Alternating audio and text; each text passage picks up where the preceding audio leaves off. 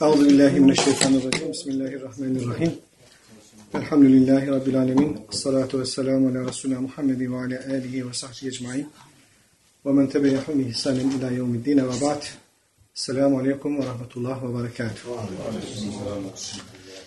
Kitab-ül Yetisam'ın kaldığımız yerinden okumaya devam ediyoruz. Nuhine anit tekellüf babını okumuş muyduk? Ben orada tereddüt ettim ama zaten kısa bir şey hemen söyleyip geçmiş olalım okumuşsak bile. قال المصنف رحمه الله حدثنا سليمان بن حرب قال حدثنا حماد بن زيد عن ثابت عن أنس قال كنا عند عمر فقال نهينا عن التكلف Enes bin Malik rivayet ediyor bu hadisi. Sabit el-Bunani isminde çok sevdiği bir öğrencisi var tabiinden olan. Ee, onun da rivayeti yani Enes'ten o rivayet etmiş.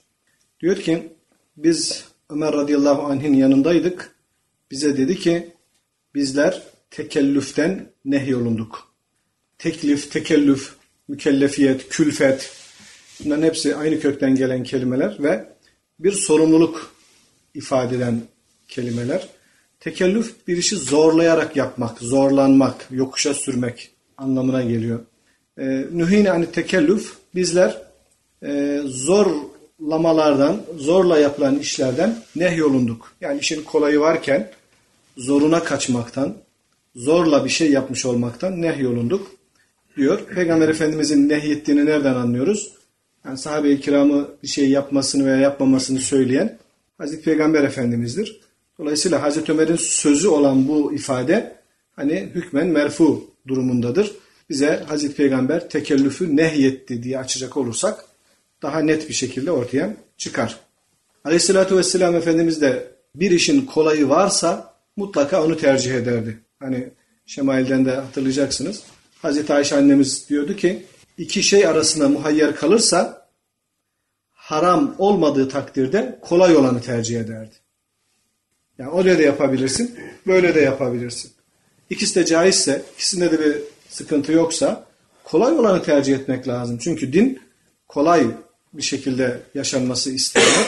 Ma enzelne aleykel Kur'ane li teşka. Değil mi? Taha suresinde. Biz sana Kur'an-ı Kerim'i meşakkate giresin, zorlanasın diye indirmedik ki diyor. O halde dinde bu anlamda zorlama zaten yoktur. Hani teklifi ma la yutak, e, takatin yetişmeyeceği, gücün yetişmeyeceği, güç yetirilemeyecek işler bizim dinimizde söz konusu değildir. Dolayısıyla insanların kendi kendilerine bir takım şeyleri zorlaştırmaları da doğru değildir. Tekellüf biraz da bu. Kendini zorluyor bir şeyler yapmaya, daha fazlasını, daha zorunu. Bununla ilgili değişik hadisler de vardı. Şimdi burada da gelecek zaten. Hani Allah'tan en çok korkanınız benim. Ben bile böyle yapıyorum. Yani beni geçmeye, beni aşmaya sizin haddinize mi? Benden daha fazla bir Müslümanlık yapabilir misiniz? Benden daha çok takvalı olabilir misiniz? Bununla beraber ben bazen uyuyorum, bazen namaz kılıyorum, bazen oruç tutuyorum, bazen tutmuyorum. Ha, insanların bunları da aşacak şekilde külfete girmeleri, işleri kendileri için zorlaştırmaları doğru değildir. Hazreti Ömer'in bu sözü bize onu ifade etmiş oluyor. Ancak burada külfet tabi çıtasının yüksekliğine, alçaklığına göre de değişir. Öyle bir toplumda yaşıyoruz ki beş vakit namazı muntazaman kılan adama sofu, aşırı, dinci, fundamentalist hani ne kadar üst seviye sıfat varsa hepsini kullanıyorlar. Halbuki beş vakit namaz dediğiniz işin en alt seviyesi yani baraj seviyesi gibi bir şey. Birazcık böyle bir nafile namaz falan kılmaya başladın zaten uçtun. Hani toplumun çıtası o kadar düşük ki en ufak bir şey yapmak bile onlara aşırılık, fazlalık gibi gelebiliyor. Buna dikkat etmemiz lazım. Kale haddetena Ebu'l Yemen kale ahberana Şuayb ani Zühriyi ha kale el-musannif ve haddeteni Mahmud kale haddetena Şimdi burada tabi metin olmasaydı gösterebilirdim belki ama e, hadisle ilgili senetlerle alakalı teknik bir bilgi de var. Bir senedin birden fazla tarik olur da bir hadisin birden fazla tarik olur da bunlar bir yerde ortaklaşırlarsa hani ayrı ayrı geliyorlar bir yerde birleşiyorlar sonra aynı şekilde devam ediyorlarsa bu iki senet ayrı ayrı yazılmaz. Müstakil olan ortak raviye kadar yani iki ayrı senet gelip de ortak bir ravi geldiğinde oraya bir ha harfi konur. Bu ha harfi tahvil hası demektir ve senedi başa çevirir. tahvil dönmek, çevirmek anlamına geliyor. Yani bu raviden yukarısı aynı devam edecek demektir. Böyle bir Y harfi gibi bir şey düşünün. Y gibi. Buradan bir senetle geliyor. Buradan bir senetle geliyor. Şurada birleşiyor. Bundan sonrası peygambere kadar aynı ravilerden oluşuyorsa aynı isimleri tekrar tekrar yazarak hani yer, mürekkep, zaman israfı yapmamak için kitaplarımızda böyle kısaltmalar vardır. Bu tekniği kullanarak istediğiniz kadar senedi şey yapabilirsiniz, yazabilirsiniz. Yani 10 tane senet vardır. Yarısına kadar ortaksa eğer bu 10 senet gelirsiniz ha der yukarı dönersiniz. Ha der yukarı dönersiniz. Ha der yukarı dönersiniz. En son bittikten sonra geri kalan kısmı okursunuz. Yani bu tamamen teknik bir şey ama kitaplarımızda böyle kısaltmalar olduğunda görüyoruz. Bu aralarda galeler falan var tabi onları da yazmıyorlar. Şimdi her hadde senadan, akbaranadan önce bir gale var. Bir gale bir santim yer tutar. Bu kitapta o kadar isim geçiyor. Her birisinin arasında birer santimlik bir boşluk olduğunu düşündüğümüzde yani galeler yazılmaya kalkışılsa ne kadar daha fazla sayfa gerekir bir hesap etmek lazım aslında yani. Binlerce belki milyonlarca gale gerekecektir bir kitap boyunca. O da ayrı bir cilt kadar belki de bir yer işgal edecektir. Dolayısıyla günümüzde de bazı kısaltmalar kullanmıyoruz mu metinleri yazarken falan. İşte e, SAÜ diyoruz Sakarya Üniversitesi dememek için. SAÜ diyoruz. Böyle kısaltmalar her zaman için var. Evet ikinci senette şöyle. Ve haddeteni Mahmud kâle haddeten Abdurrezzak kâle ahberena Mamer ani Zühriyi. Bakın Zühri eşit geldi. Önceki senette Zühri dedik. Sonra ha dedim. Bu ha diye okunuyor. Tahvil demiyoruz yani. Ha diyoruz. Tekrar başa döndük. Gene geldik aynı Zühri'de birleştik. Demek ki ortak ravi Zühri'ymiş. Zühri'den sonrası peygamberimize kadar aynı. Kale ahbarani Enes ibn Malik radıyallahu anhu enne nebiyye sallallahu aleyhi ve sellem haraca hine zâgati şems. Enes bin Malik anlattığına göre bir gün Resulullah Efendimiz güneş batıya meyledince, zevalden dönünce evinden dışarı çıktı. Fesalla zuhra ve öğle namazını kıldılar. Felemma selleme kâme alel minber namazını bitirince, öğle namazını kıldırmayı bitirince minberin üzerinde ayağa kalktılar. Fezekera sa'a ve saatten bahsettiler. Saat dediğimiz zaman bu Kur'an-ı Kerim'de de hadislerde de böyle tek başına gelirse kıyamet anlamındadır. Aslında Türkçe'de saatle zaman bildirmesi bakımından, bir vakit bildirmesi bakımından e, aynı yakın bir manası var ama Türkçedeki saatle Arapçadaki saat aynı şey değildir. Mesela onların ecelleri geldiğinde ne bir saat ileri ne bir saat geri diye ayet-i kerimede geçiyor. Şimdi biz onu Türkçe anlayınca 60 dakika gibi algılıyoruz. Ecel gelince ne 60 dakika ileri ne 60 dakika geri. Öyle bir 60 dakika falan yok yani. An. An demek, vakit geldi demektir. O bir saniye ileri bir saniye geri bile anlamına gelebilir. Dolayısıyla saat dediğimizde o ne zaman olacağını bilmediğimiz ve her an olabilecek olan kıyametten bahsedilmiş oluyor. Hazreti Peygamber minbere çıktı, kıyametten bahsetti. Ve zeker enne beyne yedeyha umuran izamen ve kıyamet öncesinde dünyada çok büyük işler, çok büyük olaylar olacağından bahsetti. Thumme kale ardından şöyle devam ettiler. Ahabbe en yes'el an şeyin fel yes'el anhu. Şu anda kim herhangi bir şey sormak istiyorsa onu sorsun. Fe vallahi la tes'eluni an şeyin illa akhbartukum bihi ma dumtu fi makami hada. Vallahi Allah'a yemin ederim ki şu durduğum yerde durduğum sürece soracağınız her soruya cevap vereceğim. Kale Enes, hadisin ravisi sahabimiz Enes anlatıyor ki فَاَكْثَرَ النَّاسُ الْبُكَاءَ Peygamberimizin bu konuşması üzerine insanlar ağlamaya başladılar. Hem de çokça ağlamaya başladılar. Böyle hani gözlerinden yaşlar boşanırcasına ağladılar. Ve ekser Resulullah sallallahu aleyhi ve sellem en yekule seluni. Onlar ağladıkça Hazreti Peygamber de hadi sorun, hadi sorun diye devamlı ısrar etti. İnsanların ağlamaları yani kıyametin dehşeti, kıyametten önce olacak olayların durumundan bahsedince Peygamberimiz bundan etkilendiler tabi. Hallerine bir baktılar, olacak olanlara baktılar. Ya onları biz yaşarsak, ya onlar bizim başımıza gelirse diye korktular, endişelendiler ve ağlamış oldular. Hazreti Peygamber de insanların bu sorular üzerine hadi sorun hadi sorun diye ısrarla devam etti. Fekam ileyhi raculun fekale. Bunun üzerine adamın biri kalktı ve dedi ki Eyne medhali ya Resulallah. Ya Resulallah benim gireceğim yer neresidir? Kale ennar. Peygamberimiz dedi ki cehennemdir. Fekam Abdullah ibn Hudafe fekale men ebi ya Resulallah. Abdullah ibn Hudafe isimli sahabi kalktı dedi ki benim babam kim ya Resulallah? Kale ebuke Hudafe. Dedi ki senin baban Hudafe'dir. Kale thumme ekser en yekule seluni seluni. Hazreti Peygamber insanlar tabi böyle olur olmaz sorularda sormaya başlayınca hadi sorun sen de sor sen de sor diye iyice açtı diyelim ki sonuna kadar. Febereke Ömer ala rukbeteyhi. Hazreti Ömer iki dizin üzerine çöktü. Diz kırıp oturdu. Fekale dedi ki Radina billahi rabben ve bil islami dinen ve bi Muhammedin sallallahu aleyhi ve sellem Resul'a. Biz Rab olarak Allah'tan, din olarak İslam'dan, Resul olarak da Muhammed'den razıyız dedi. Gale Enes sözüne devamla diyor ki Fesekete Resulullah sallallahu aleyhi ve sellem hine kale Ömer zâlike. Ömer böyle deyince Resulullah sustular. Hani sorun demeyi bıraktı. Thumme kale Resulullah sallallahu aleyhi ve sellem Efendimiz sonra şöyle devam etti. Evla vellezî nefsî biyedî لقد عرضت علي الجنة والنار آنفا في عرض هذا الحائط وأنا أصلي فلم أرك اليوم في الخير والشر Resulullah Efendimiz dedi ki ister razı olun ister razı olmayın evla ister olun ister olmayın ben az önce namaz kıldığım yerden canım elinde tutan yemin ederim ki az önce namaz kıldığım yerde durduğumda önümdeki duvardın üzerinde bana e, cennet ve cehennem dahil her şey gösterildi.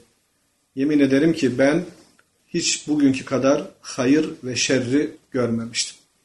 Yani sanki bir şey gibi, sinevizyon gibi, bir perde gibi duvarda Hazreti Peygamber'e o anda kıyamete kadar belki olup bitecek her şey gösterildi. Nihayetinde cennet cehenneme varıncaya kadar her şey gösterildi.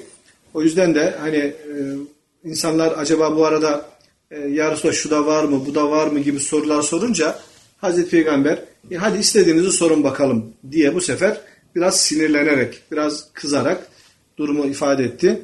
E, Tabi insanlar da bunu sanki fırsat bilircesine, fırsat bulmuşçasına benim babam kim gibi sorulara gelinceye kadar sordular.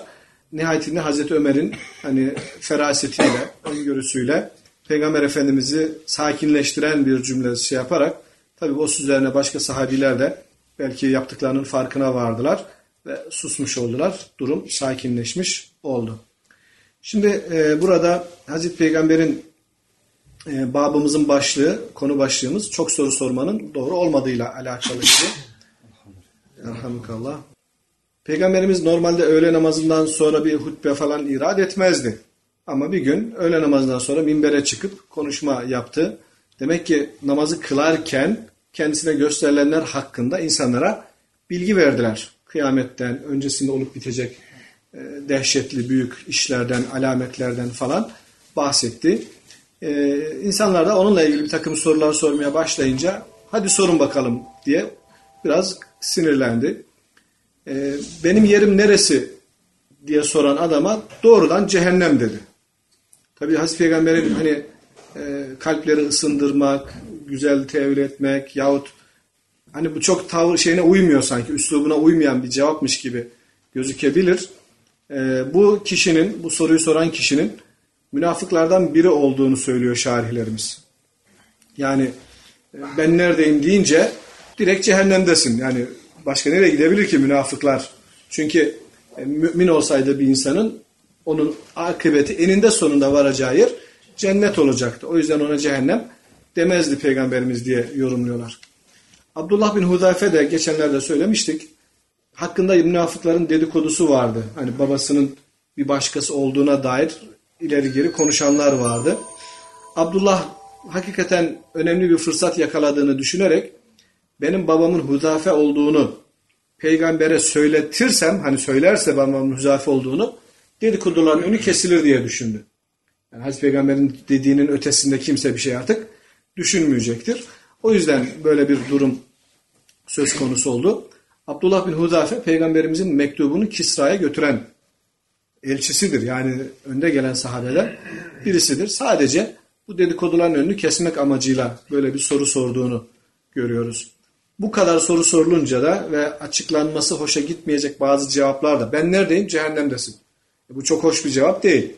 Dolayısıyla açıklandığında hoşunuza gitmeyecek şeyleri sormayın ayeti de o gün nazil oluyor. La teselu an eşya in tesukkum. Ee, Abdullah annesine gidip durumu anlatınca değil mi? Ee, annesi kızmıştı ona. Sen annenin cahiliyedeyken bir halt karıştırmadığını nereden biliyorsun da peygambere bunu sorabiliyorsun? Ya deseydi ki babam başka birisi. Vallahi babamı Hüzafe değil de kıvırcık saçlı bir köle de gösterseydi gider onu baba bilirdim diyor Abdullah'da. Yani tabi e, sahabenin bağlılığı, sünnete bağlılığı, peygamberimize itaatı vesaire birçok şey anlaşılmış oluyor. Evet. قال حدثنا محمد بن عبد الرحيم قال أخبرنا روح بن عبادة قال حدثنا شوبة قال أخبرني موسى بن أنس قال سمعت أنس بن مالك قال قال رجل يا نبي الله من أبي قال أبوك فلان ونزلت يا أيها الذين آمنوا La tes'elu an eşya el-aya.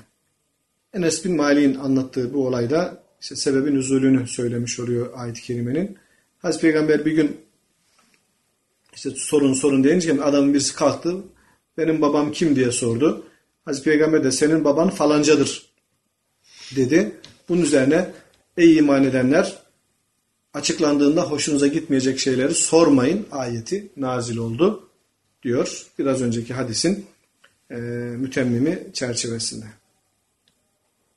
قال حدثنا الحسن بن صباح قال حدثنا شبابة قال حدثنا ورقة عن عبد الله بن عبد الرحمن قال سمعت أنس بن مالك يقول قال رسول الله صلى الله عليه وسلم لن يبرح الناس يتساءلون حتى يقولوا هذا الله خالق خالق كل شيء فمن خلق الله Efendimiz buyuruyor ki insanlar her konuda her şeyi sormaya devam edip duracaklar.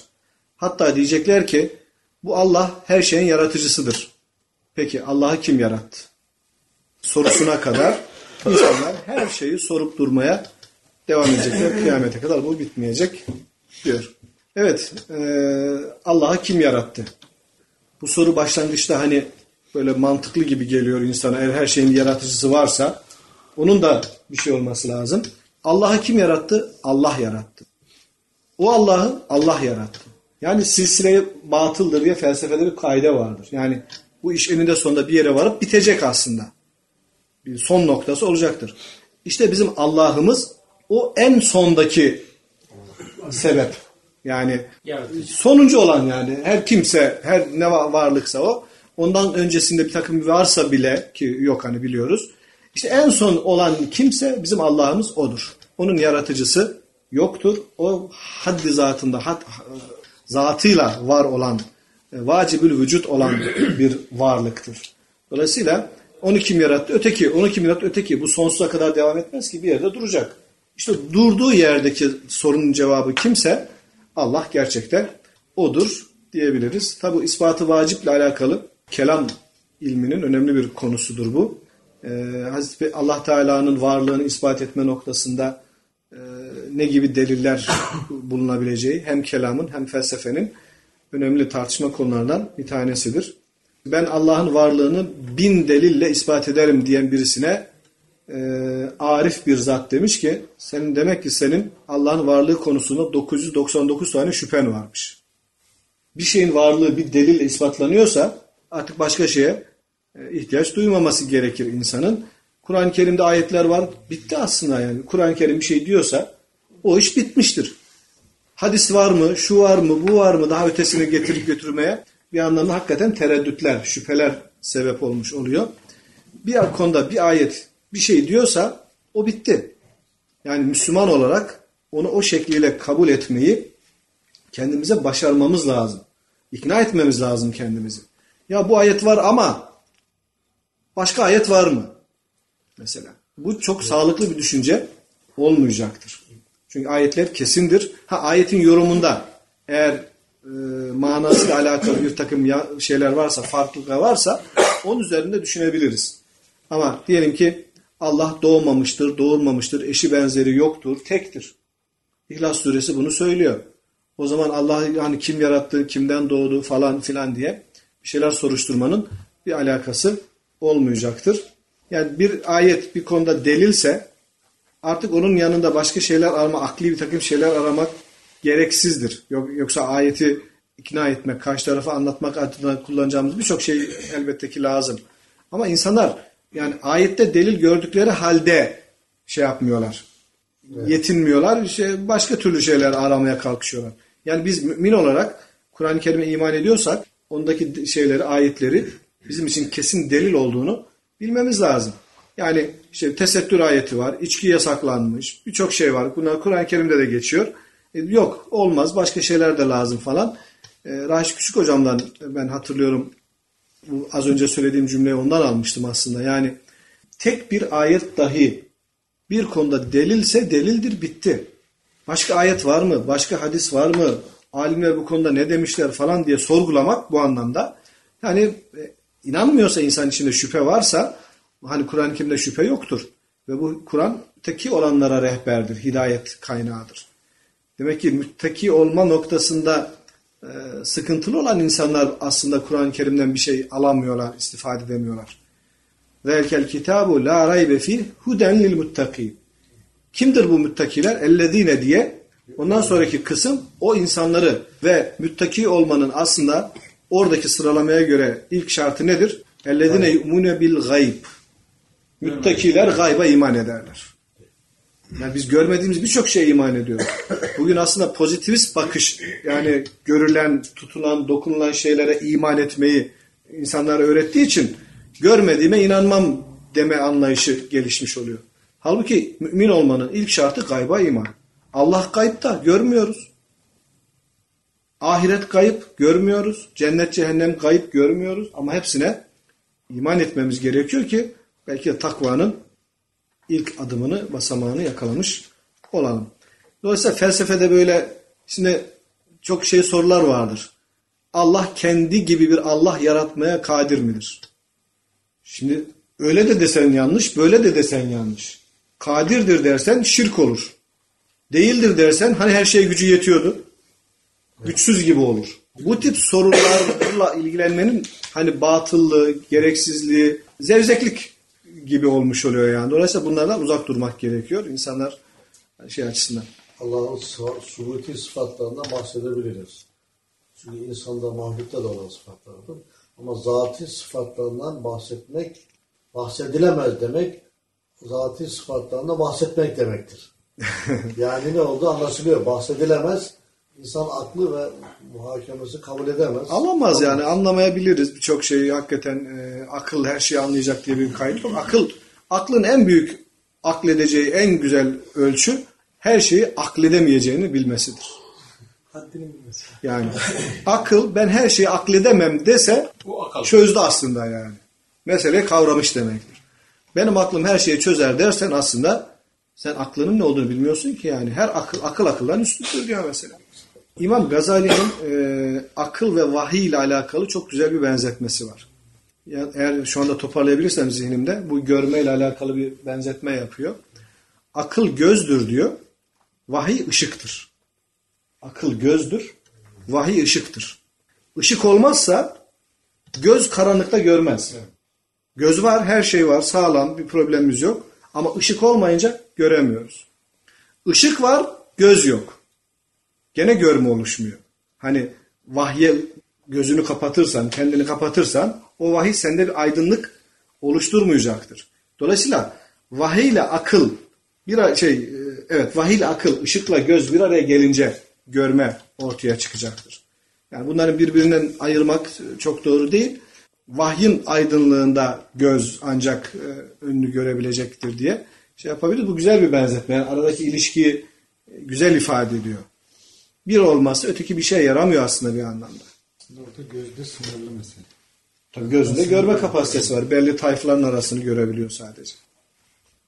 Sınırlı Üçüncü gözle görmek lazım. Basın. O ayrı bir konu.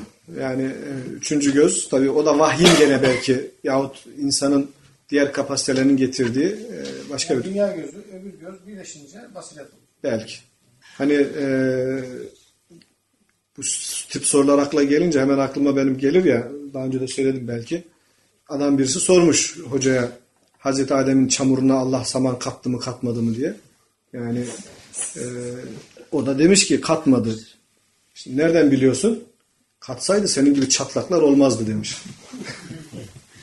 Şimdi hani bir takım soruların cevabı ancak kendi cinsinden olunca bir mana ifade ediyor. Yoksa ben bu konuda bir hadis bilmiyorum, ayetlerde geçmiyor falan bir araştırayım, bir bakayım demenin bir anlamı yok. Çünkü bilinmeyecek bir alan. Yani. Evet insanlar Allah'ı kim yarattı diye soruncaya kadar bu tip sorular soruşturmaya devam edip gidecekler diyor. قال حدثنا محمد بن عبيد بن ميمون قال حدثنا عيسى بن يونس عن الأعمش عن إبراهيم عن علقمة عن ابن مسعود رضي الله عنه قال كنت مع النبي صلى الله عليه وسلم في حرث بالمدينة وهو يتوكل على عصيب فمر بنفر من اليهود فقال بعضهم Abdullah İbni Mesud meşhur sahabimiz e, rivayet ediyor ki ben bir gün Resulullah'la birlikte Medine'nin bahçelerinden, tarlalarından birinde bulunuyordum. Allah Resulü bir hurma dalına yaslanmış şöyle asa gibi, baston gibi kullanarak bir hurma dalına yaslanıyordu. Derken bir grup Yahudi oradan geçti. Onlardan biri dedi ki Seluhu anir ruhu. Şuna ruh konusunda sorun bakalım. Ve kâle ba'duhum biri de dedi ki o gruptan biri La tes'eluhu Hayır sormayın. La yusmi'ukum ma tekrahune Hoşunuza gitmeyecek bir cevap almayın. Sormayın ki hoşunuza gitmeyecek bir cevabı size duyurmasın. Yani bir şey söyler şimdi. Hani peygamber olma ihtimalini bırakın kesin olarak biliyorlar. Fakat işte inatlarından iman etmiyorlar, inanmıyorlar. Şimdi bu bir şey söyler. Biz Yahudi alimlerin bildikleri dışında, insanlar anlattıklarımız dışında hakikati söylemeye kalkar, söyler ve bu da hiç hoşumuza gitmez diye uyardı. Fekamu aleyhi fekalu. Ancak onlar dinlemediler bu uyarıyı ve kalktılar. Dediler ki Ya Ebel Kasım haddithna anir ruh. Ey Ebul Kasım bize ruh hakkında bilgi ver. Bize ruhtan bahset. Fekame saaten Resulullah bir müddet durdu, bekledi. Yanzuru bakıyordu böyle. Fe'araftu ennehu yuha ileyhi. Anladım ki kendisine vahiy geliyor. Abdullah bin Mesud anlatıyor. Anladım ki kendisine vahiy geliyor. Feteahhartu anhu. Kendisinden biraz uzaklaştım. Vahiy gelme hali sırasında Resulullah'tan biraz uzaklaştım. Hani rahat bırakmak, biraz böyle sakin durması için belki. Hatta sa'idel vahyu thumme kal. Derken vahiy kalktı, yükseldi. Sonra Efendimiz buyurdular ki وَيَسْأَلُونَكَ عَنِ الرُّحِ قُلِ الرُّحُ مِنْ اَمْرِ رَبِّي Sana ruh konusunu soruyorlar. De ki ruh Rabbimin işlerinden bir şeydir. Diye ayet-i kerimeleri gelen vahyi onlara okumuş oldu. Ondan size çok az bir bilgi verilmiştir. Dolayısıyla ruh da kıyamete kadar ne kadar konuşulursa konuşulsun çözümlenemeyecek hususlardan bir tanesidir. Evet, Yahudilerin de soru sormasıyla alakalı babımızla ilgili olarak Yahudiler de peygamberimize zaman zaman böyle sorular soruyor idiler. Babu el-iktida bi ef'ali nebiyyi sallallahu aleyhi ve sellem. Dördüncü babımız Resulullah sallallahu aleyhi ve sellemin fiillerine uyma, yaptıklarına, söz değil de yapıp ettiklerine, fiillerine uyma, iktida etme hakkındaki rivayetlerimiz. Kale haddesena Ebu Nuaym, kale haddesena Süfyan an Abdullah ibn Dinar an İbn Ömer radıyallahu anhuma kale İtteheden Nebiyyü sallallahu aleyhi ve sellem hatemen min zeheb. Abdullah İbni Ömer'in rivayet ettiği bir hadis-i şerif diyor ki Nebi sallallahu aleyhi ve sellem altın bir yüzük yaptırdı. Altın. فَاتَّخَذَ النَّاسُ خَوَاتِيمَ مِنْ ذَهَبٍ Peygamberimizde altın yüzük gören bu insanlar da altın yüzük yaptırdılar kendilerine. Fekale Nebiyyü sallallahu aleyhi ve sellem tabi olup biten arada zaman geçiyor. Ee, ne kadar zaman geçtiği konusunda burada bir bilgi yok ama bir süre geçtiği belli. Bir gün Efendimiz dediler ki inni ittehatu hatime min zeheb. Ben altından bir yüzük edinmiştim, takınmıştım. Fenebedehu ve kal onu elinden çıkardı, attı ve dedi ki inni len elbesehu ebeden. Ben bir daha onu asla takmam. Altın yüzüğü bir daha ebediyen takmam. Fenebeden nasu havatimahum. Bunun üzerine insanlar da altın yüzüklerini çıkarıp attılar. Yani Hazreti Peygamber'in fiili burada çıkarıp atmış olması insanlar da ona uyarak, fiiline uyarak yüzüklerini çıkarıp atıyorlar. Peygamberimizin sünnetini sınıflandırırken kavli, fiili ve takriri diye genelde üçe ayırmış oluyoruz. Kavli dediğimiz sözlü ifadeleri, konuşmaları, fiili dediğimiz hiçbir şey söylememiş olsa bile yapıp ettikleridir. Bizzat kendisinin yaptıkları. Takrir de onay anlamına geliyor. Yani kendisi bir şey söylemiyor, bir şey de yapmıyor ama bilgisi dahilinde yapılan bir şeylere ses çıkarmaması halidir. Mesela huzurunda dururken sahabeden biri bir şey yapıyor. Peygamberimiz de onu görüyor, biliyor, farkında ama bir şey demiyor. Hatta bazen onayladığını ifade eden bir işarette bulunabilir. Bir şey söylemiş olabilir. O ayrı. Ama hiç ses çıkarmaması hali dahi o davranışı sünnet derecesine yükseltiyor. Çünkü biliyoruz ki Peygamber Efendimiz olumsuz bir şey gördüğünde kesinlikle susmuyordu. Yani mutlaka o konuda bir uyarıda bulunuyordu.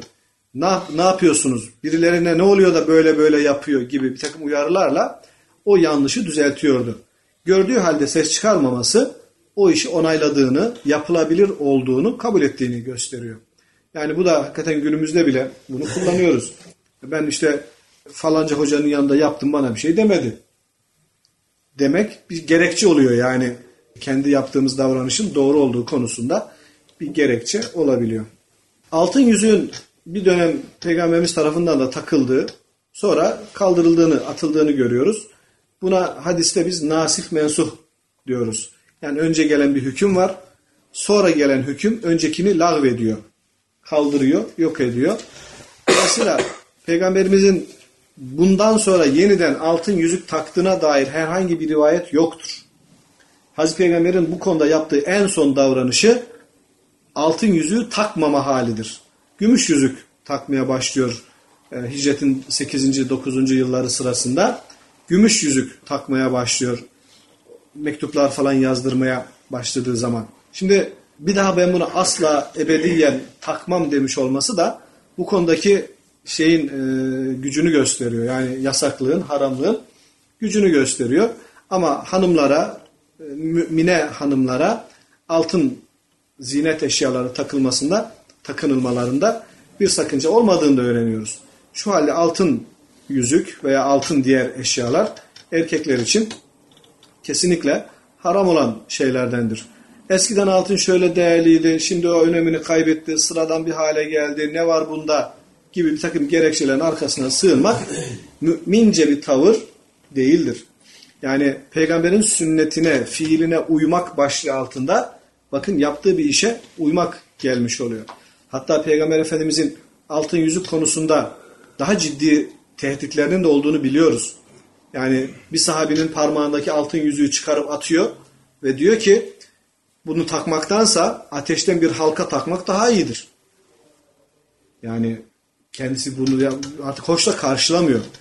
Diyelim ki peygamberimizin altın yüzüğü yasakladığını duymamıştı o sahabi. Olabiliyor böyle şeyler o dönemde. Ee, onu görünce peygamberimiz çıkarıyor atıyor. Tamam bundan sonra takamazsınız olmuş oluyor. O yüzden bu konuda böyle takım gerekçeler üreterek yasak delmeye çalışmanın bir anlamı yoktur. İşte beyaz altın olmaz mı hocam? Yani normal sarı da öteki beyaz. Altın mı bu? Altın. Niye zorluyorsun? Git başka bir şey tak arkadaş yani şart mıdır? Titanyum tak daha pahalı. Hani bulabilirsen. Hiç onu yasaklığına dair bir şey yok. Ama altın takmayın demiş 8 peygamber. ayar? Efendim? 8 ayar altın. Hocam 8 ayarda olsa altın gözüküyorsa altındır. Saf altın 24, 24 ayar. 24 gramda 24 gram altındır. Evet. 8 ayarı altının 8 gramı altın, geri kalan 16 gram bakırdır. Evet. Çoğu bakırsa o bakırdır.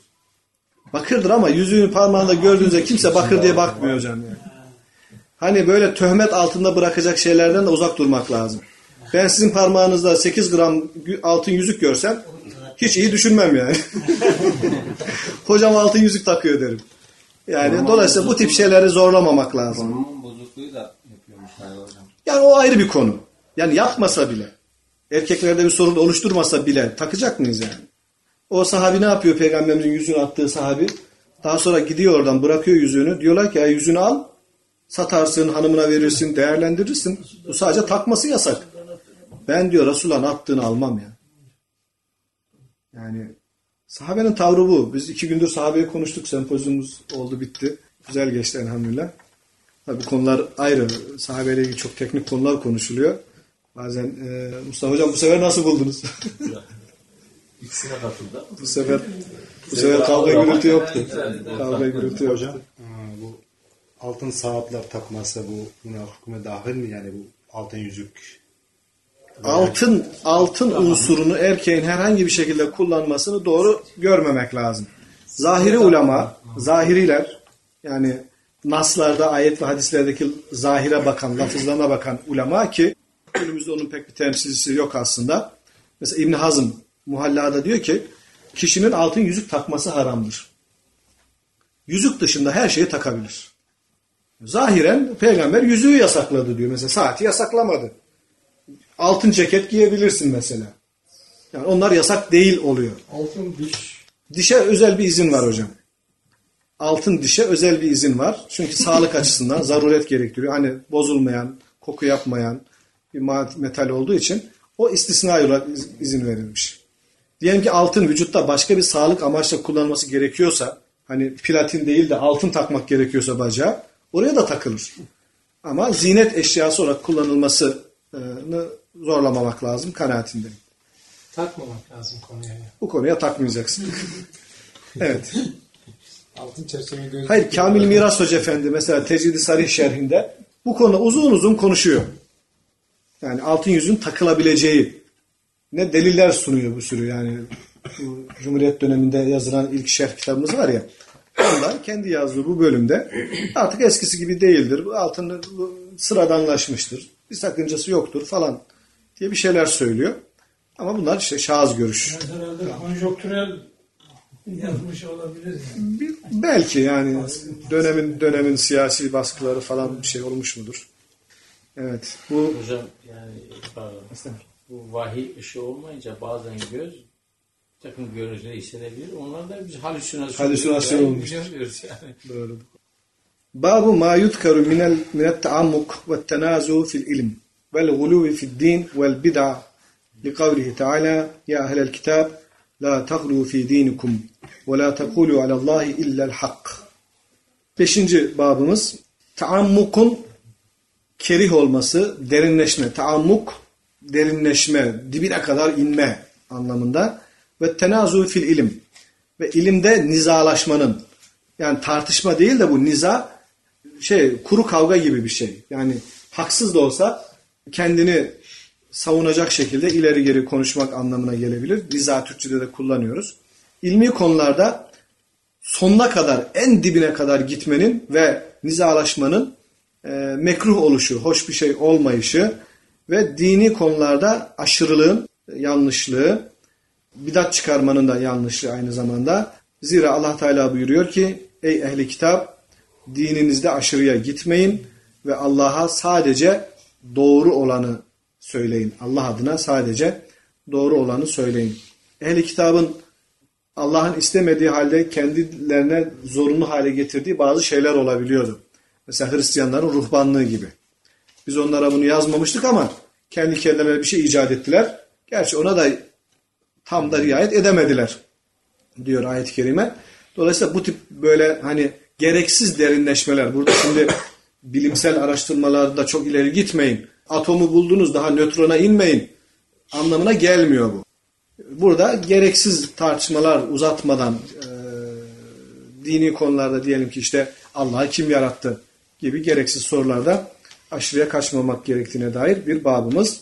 Hadisimiz şöyle. Kale haddesena Abdullah ibn Muhammed, kale haddesena Hişam, kale ahberena Mamer, an Zühriyi, an Ebi Seleme, an Ebi Hureyre, kale, kale Nebiyyü sallallahu aleyhi ve sellem. Ebu Hureyre radıyallahu anh'in anlattığına göre Efendimiz şöyle buyurdular. La tuvasilu, vasletmeyin, bitiştirmeyin. Bu kelimenin e, kullanılış amacı visal orucu dediğimiz şey hakkındadır. Yani la tuvasilu demek visal orucu tutmayın diyor Peygamber Efendimiz. Visal orucu e, iftar etmeden, akşam namaz vakti geldiğinde iftar etmeden ertesi günü orucunu bitiştirmek demek. Kesintisiz oruç. İki gün, üç gün yani böyle yapanlar varmış e, eskiden beri. Eski dinlerden beri yapanlar varmış. Hazreti Peygamber bu visal orucunu yasaklıyor. Visal orucu tutmayın buyurdular. Galu sahabe dediler ki inneke tuvasilu siz yapıyorsunuz ama Hazreti Peygamber'e siz visal orucu tutuyorsunuz diye itiraz ettiler. Gale buyurdu ki Efendimiz inni lestu mislukum mislekum. Ben sizin gibi değilim ki inni ebitu yut'imuni rabbi ve yeskini ben geceleyin uyurken geceyi geçirirken Rabbim beni yedirir ve içirir. Yani dolayısıyla ben görünüşte bir beşerim. Bakın burada e, ilginç bir not var aslında. E, innema ene beşerun mislukum. Ayet-i kerimelerde ben de sizin gibi bir beşerim diye Peygamberimizin insanlarla aynı olduğunu ifade eden ayetler onun beşer vasfını öne çıkarıyor. Beşer kelimesi kullanılıyor. Mesela burada ben de sizin gibi bir beşerim demedi Peygamberimiz. Ben sizin gibi değilim dedi sadece. Ben sizin gibi bir beşer değilim demedi. Beşer deri demek. Deri. Görünen şeklimiz.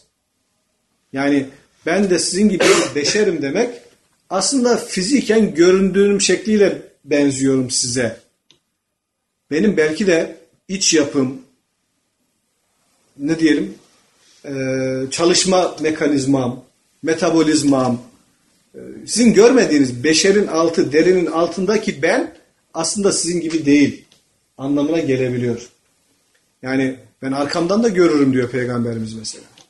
Hani namazda böyle ileri geri duruyor safta insanlar. Bizim diyor namazdaki böyle ileri geri durduğunuzu görmüyor muyum zannediyorsunuz diyor. Sağa sola dönüyormuş insanlar namaz kılarken. Böyle yeni öğrenenler olur ya böyle çocuklar falan e, namazda dönerler. Peygamberimiz onları gördüğünüz ifade ediyor mesela. Yani benim gibi bir insanın yapamayacağı şeylere sahip olduğu da belli. Dolayısıyla işte insanların göremeyeceği kadar uzakları görüyor. Bir takım başka alıcıları var hani e, çok daha hassas. Şu halde Fiziken güçlü. fiziken başka kapasiteleri, güçleri var vesaire. Bu noktada ben sizin gibi değilim, Rabbim beni yediriyor, içiriyor derken hani ben visal orucu tutmaya dayanabilirim. Çünkü benim başka taraflarım var. Belki de e, hani şu Hint fakirleri de- denilen insanlar acayip savmi visal tutuyorlar. Aylarca. Aylarca yemeden içmeden yaşayabiliyor bu adamlar. Yani nasıl başarıyorlarsa. İçmiyorlar. Yani değil mi? İçmiyorlar da şey olarak hiçbir yok. Kapatıyorlar kendilerini böyle. Bitti. Yani bu tabii insanın Allah'ın verdiği kapasiteleri sonuna kadar kullanmasıyla yapabildikleri bir şey. Bu ayet, ayet kerimede miydi? Ben sizin gibi bir beşer. Evet ayetlerde geçiyor. Şimdi burada mesela ben sizin gibi bir insanım demiyor. Demiyor.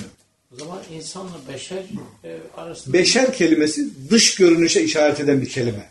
Yani Hazreti Peygamber de dış görünüşü itibariyle evet bir insan. Evet yiyor, içiyor, evleniyor, hani defi hacete çıkıyor, bevlediyor. İnsan.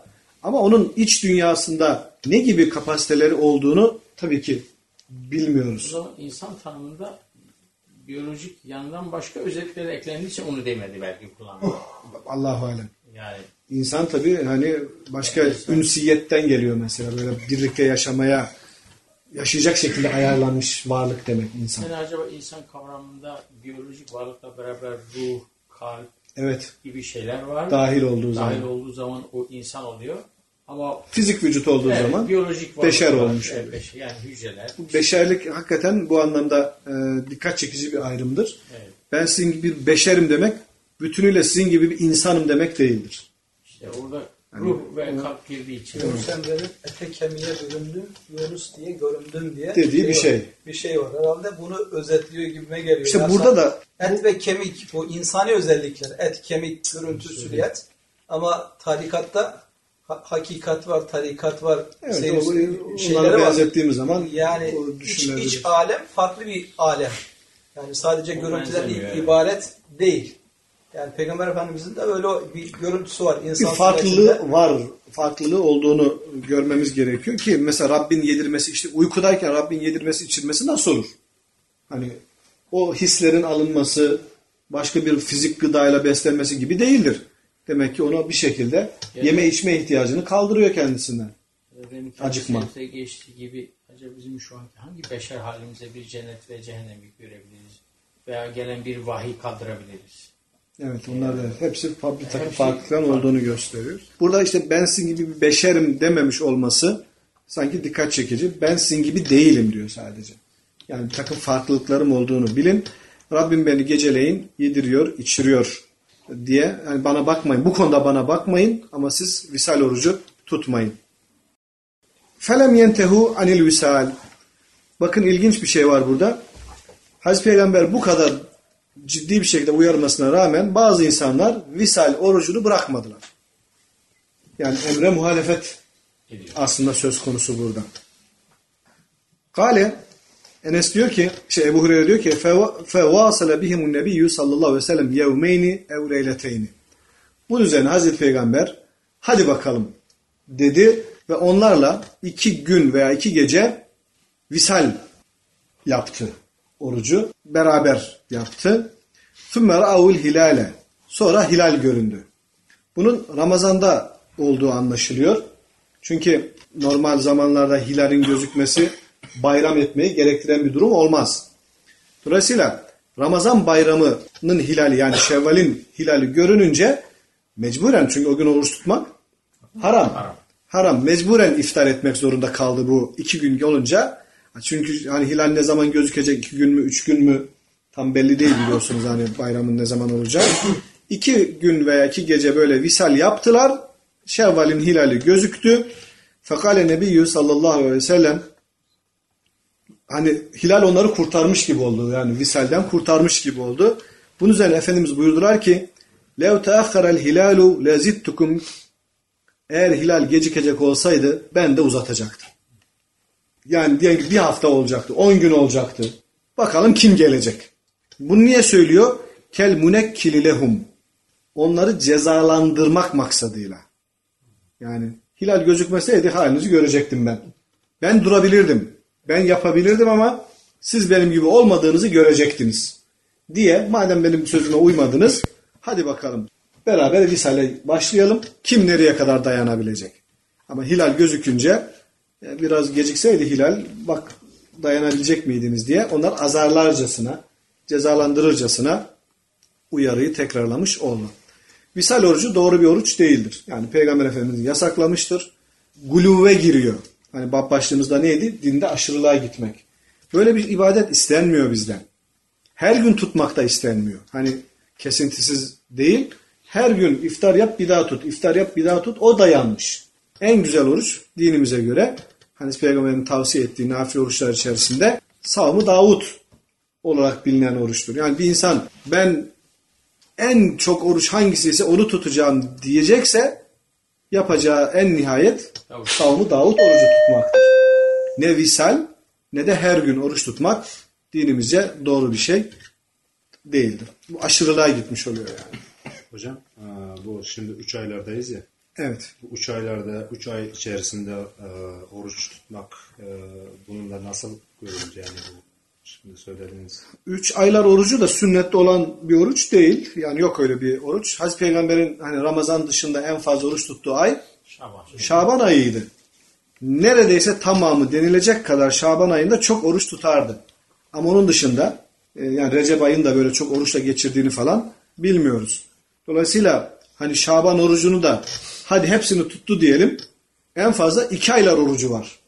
Üç aylar orucu olmamış oluyor yani. Kaldı ki onu da tamamını tutmadığını bildiğimize göre Ramazan dışında bir ayı bütünüyle oruçlu geçirmek sünnete uygun bir davranış değil aslında. Kaldı ki onun işte iki ay boyunca oruç tutunca e, Ramazan'a geldiğinde böyle bir yorgunluk, bir bıkkınlık, bir alışmışlık oluşturması da başka bir problem. Artık sıradanlaşıyor. İki ay boyunca oruç tutuyorsunuz. Ramazan gelmiş neyime oluyor yani. Ee, o heyecanı hissetmiyor insanlar. Halbuki Kur'an ayı, Ramazan ayı böyle bir coşku, bir ibadetle, şevkle başlaması, tutması gerekirken sıradan bir günmüş gibi bir hale düşürmek belki de doğru olmayacaktır. Ya kefaret orucunun o aya denk getirilmesinin bir mahsuru Bir olmaz eğer borcu varsa. Borcu var. Tabii elbette ki yani mübarek sayılan günlerde oruç tutmaya dikkat etmek daha da şey olabilir. Kefaret orucu adı altında tutarsa bir sakıncası olmaz. Ama e, Nafile oruç. nafile orucu bu anlamda sadece 3 aylar orucu olsun diye tutmak doğru olmaz. E, kefaret orucunu da kışın tutmak lazım. İşin kolayını seçmek lazım. Değil mi? Kısa günlerde. Diyor ki Peygamberimiz kış ayları ümmetimin aylarıdır. Geceleri uzundur namaz kılarlar. Gündüzleri kısadır oruç tutarlar. Kolaylık gösteriyor. Sürekli kolaylık gösteriyor. Yani Kampanya var zaten Kur'an'da. nasıl? Hep kampanya var. Evet. قال حدثنا عمر بن حفص بن غياث قال حدثنا أبي قال حدثنا العامش قال حدثني إبراهيم التيمي قال حدثني أبي قال خطبنا علي رضي الله عنه على منبر من آجر ve aleyhi seyfun fihi sahifetun muallakatun fekale. Evet, İbrahim et-Teymi diyor ki, bana babamın naklettiğine göre Ali radıyallahu an kerpiçten bir minber üzerinde bir konuşma yaptı. Artık şey gelişiyor, mimari gelişiyor. Mescitler şunlar bunlar artık unsurları sabit yapılıyor. Hani minber seyyar değil öyle. Kerpiçten kalıcı bir minber yapılmış Küfe mescidinde. Hazreti Ali orada bir konuşma yaptı ve üzerinde aleyhi seyfun fihi sahifetun muallakatun üzerinde bir sayfenin asıl olduğu kılıcı da yanındaydı. Hazreti Ali'nin kılıcı da yanındaydı. Kılıcının kınında da hani rulo haline getirilmiş diyelim belki öyledir. Tam katlanmış mıdır, rulo mudur bilmiyoruz ama kılıcına asılmış bir sahife, bir metin, bir kağıt vardı. Fekale bu konuşması esnasında dedi ki Hazreti Ali Efendimiz Vallahi ma indena min kitabin yukrahu Vallahi bizim yanımızda okunan bir kitap yoktur. İlla kitabullah. Sadece Allah'ın kitabı ve ma fi hadihi sahife. Bir de şu kılıcımdaki sayfede yazılanlar.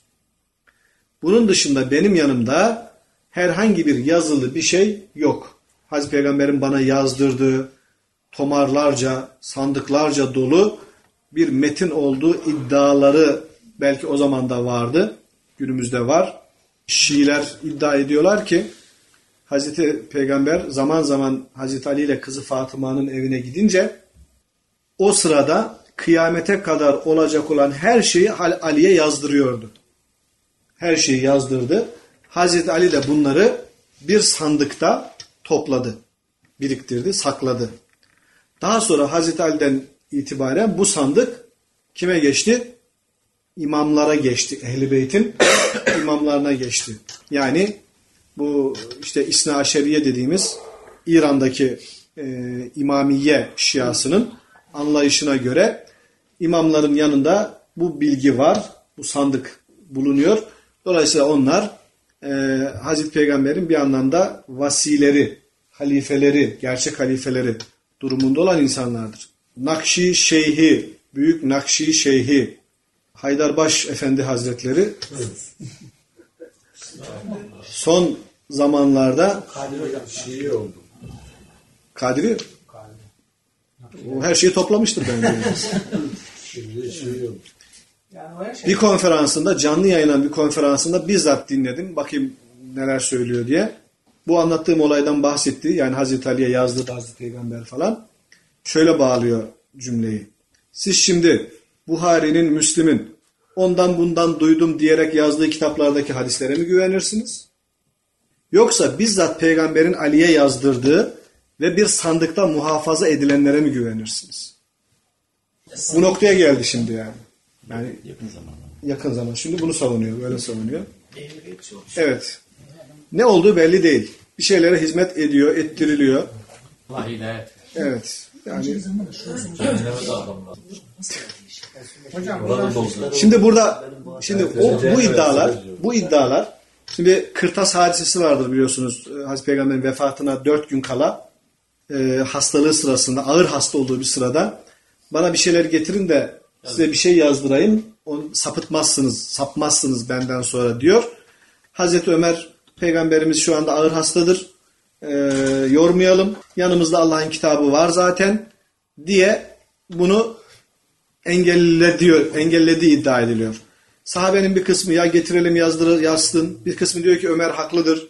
Yani sadece Hazreti Ömer değil orada. Sahabenin bir kısmı da Hazreti Ömer'i destekliyor. Evet Peygamberimiz şu anda ağır sancılar çekiyor. Ee, belki de sekerat halindeyse eğer hani yazdıracağını söylediği şey normal halinde söylemeyeceği bir şey de olabilir gibi bir endişeyle de e, sakinleşmesi halini bekle, beklemiş oluyorlar. Yazdırmıyor mesela o gün olmuyor. Hazreti Peygamber de yanımdan çıkın diyor mesela. Ondan sonra daha dört gün yaşıyor e, ve iyileştiği, mescide çıktığı, namaz kıldığı bir şey var.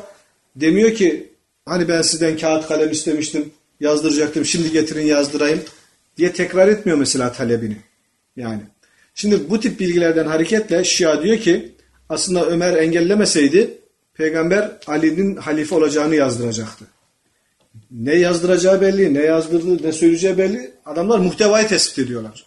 Yani yazdırmış da sanki ne olacak? Ya Ebu Bekir olsun diyecek dediyse.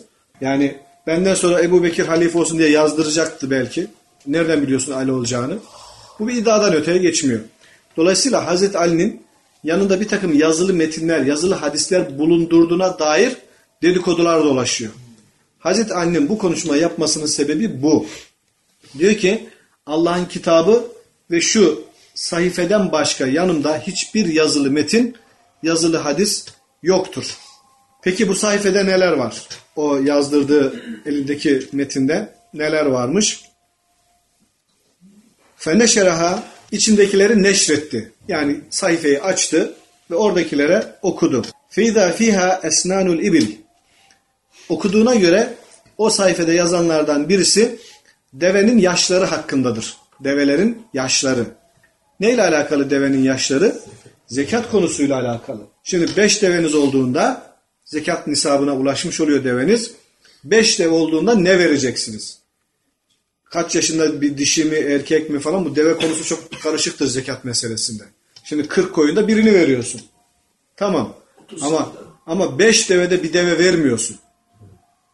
5 deve olunca başka bir şey veriyorsun. Onunla ilgili her yaşın 2 yaşında, 3 yaşında dişi, erkek bir sürü farkları var. Onlar hakikaten yazılı tutulmazsa karıştırabilir insanlar. Hazreti Ali bunları yazmış ve yanında taşıyor ki bir soru ihtilaf çıkarsa doğrudan halledeyim diye. İçinde yazılı olanlardan bir husus zekat develerinin durumlarıyla alakalı, yaşlarıyla ilgili. Ve izâ fîhâ el medînetu haramun haremun min, min ayr ila keda. Yine o sayfada olan hususlardan biri de Medine'nin harem bölge olduğu hakkındadır. Ayır dağından filan yere kadar. Filanca dağa kadar diye yani Hazreti Peygamber de Allah'ım İbrahim Mekke'yi haram kıldığı gibi ben de Medine'yi haram kılıyorum, harem kılıyorum diyerek işte Mekke'nin iki kara taşlık bölgesi Labeteyha diye hadiste geçiyor. Yani e, tabi bunlar kalmadı o Labe denilen o siyah taşlı bölgeler bugün e, kapandı, şehirleşti, e, asfaltlar döşendi falan diyelim ki onlar yok artık.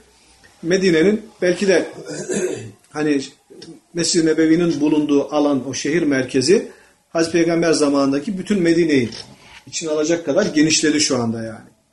Yani Mescid-i Nebevi zaten şehir gibi, kasaba gibi içi avlusunda kattığınızda hakikaten o dönemdeki şehri içine alacak kadar büyüktür. Yani Medine çarşısı falan denilen yer artık mescidin içinde kalmış durumdadır. O bütün o evler yani Ebu Eyyub Ensari'nin evi şunlar bunların hepsi o alanın içerisinde kalmış durumda. O sayfada yazılan hususlardan bir tanesi de Medine'nin de Ayır Dağı'ndan filanca yere kadar harem bölge olduğu hakkındadır. Femen ahdese fiha hadesen Dolayısıyla bu harem bölgede kim bir bid'at ortaya çıkaracak olursa Medine'de kim bir bidat ortaya çıkarırsa فَعَلَيْهِ لَعْنَةُ اللّٰهِ وَالْمَلَائِكَةِ وَالنَّاسِ اَجْمَعِينَ Allah'ın, bütün meleklerin ve bütün insanların laneti onun üzerine olsun. Medine'de bidat çıkarmak başka bir yerde bidat çıkarmak gibi değildir. Çünkü Medine'de bir şey ortaya çıkarsa o bütün dünyaya yayılır.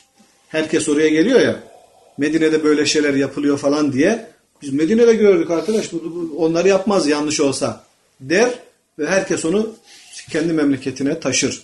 Dolayısıyla Medine'de bidat çıkarmak Allah'ın, meleklerin ve bütün insanların lanetini çekecek kadar büyük bir günahtır. La yekbelullahu minhu sarfen ve la adlen. Allah o bidatı çıkaran kimsenin ne farzlarını ne nafilelerini kabul etmesin. Yani bidat yapıyor, kendince Müslümanlık yapıyor, bir sürü ibadet yapıyor falan ama böyle bir şey yapan kimsenin Allah ne farzını ne nafilesini kabul eder. Ve izâ fihi zimmetul muslimin vahidetun Yine sayfede yazan hususlardan bir tanesi Müslümanların verdiği zimmet tektir. Hakkında imiş. Zimmet nedir? Eman.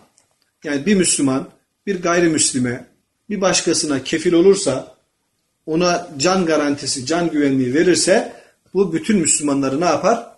Bağlar. Bütün Müslümanların zimmeti tektir. Birinin zimmeti, birinin verdiği güvence bütün herkes için geçerlidir. Yes'a biha ednahum. En aşağıda olanı bile içine alır. Yani bir köle Müslüman dahi birisine zimmet vermiş olsa, onu himayesini almış olsa o geçerlidir. Kimse ona artık dokunamaz. Hemen ahfara Müslümen kim bu Müslümanın vaadini bozarsa, zimmetini çiğnerse, himayesini aldığına zarar verecek olursa فَعَلَيْهِ لَعْنَةُ اللّٰهِ وَالْمَلَائِكَةِ وَالنَّاسِ اَجْمَعِينَ Allah'ın, meleklerin ve bütün insanların laneti ona olsun. La yekbelullahu minhu sarfen ve la adlen. Allah onun da farzını da nafilesini de kabul etmesin. Yani sıradan bir Müslümanın verdiği eman devlet başkanının verdiği emanla aynı kabul ediliyor. Eşitlik hani denecekse belki bu.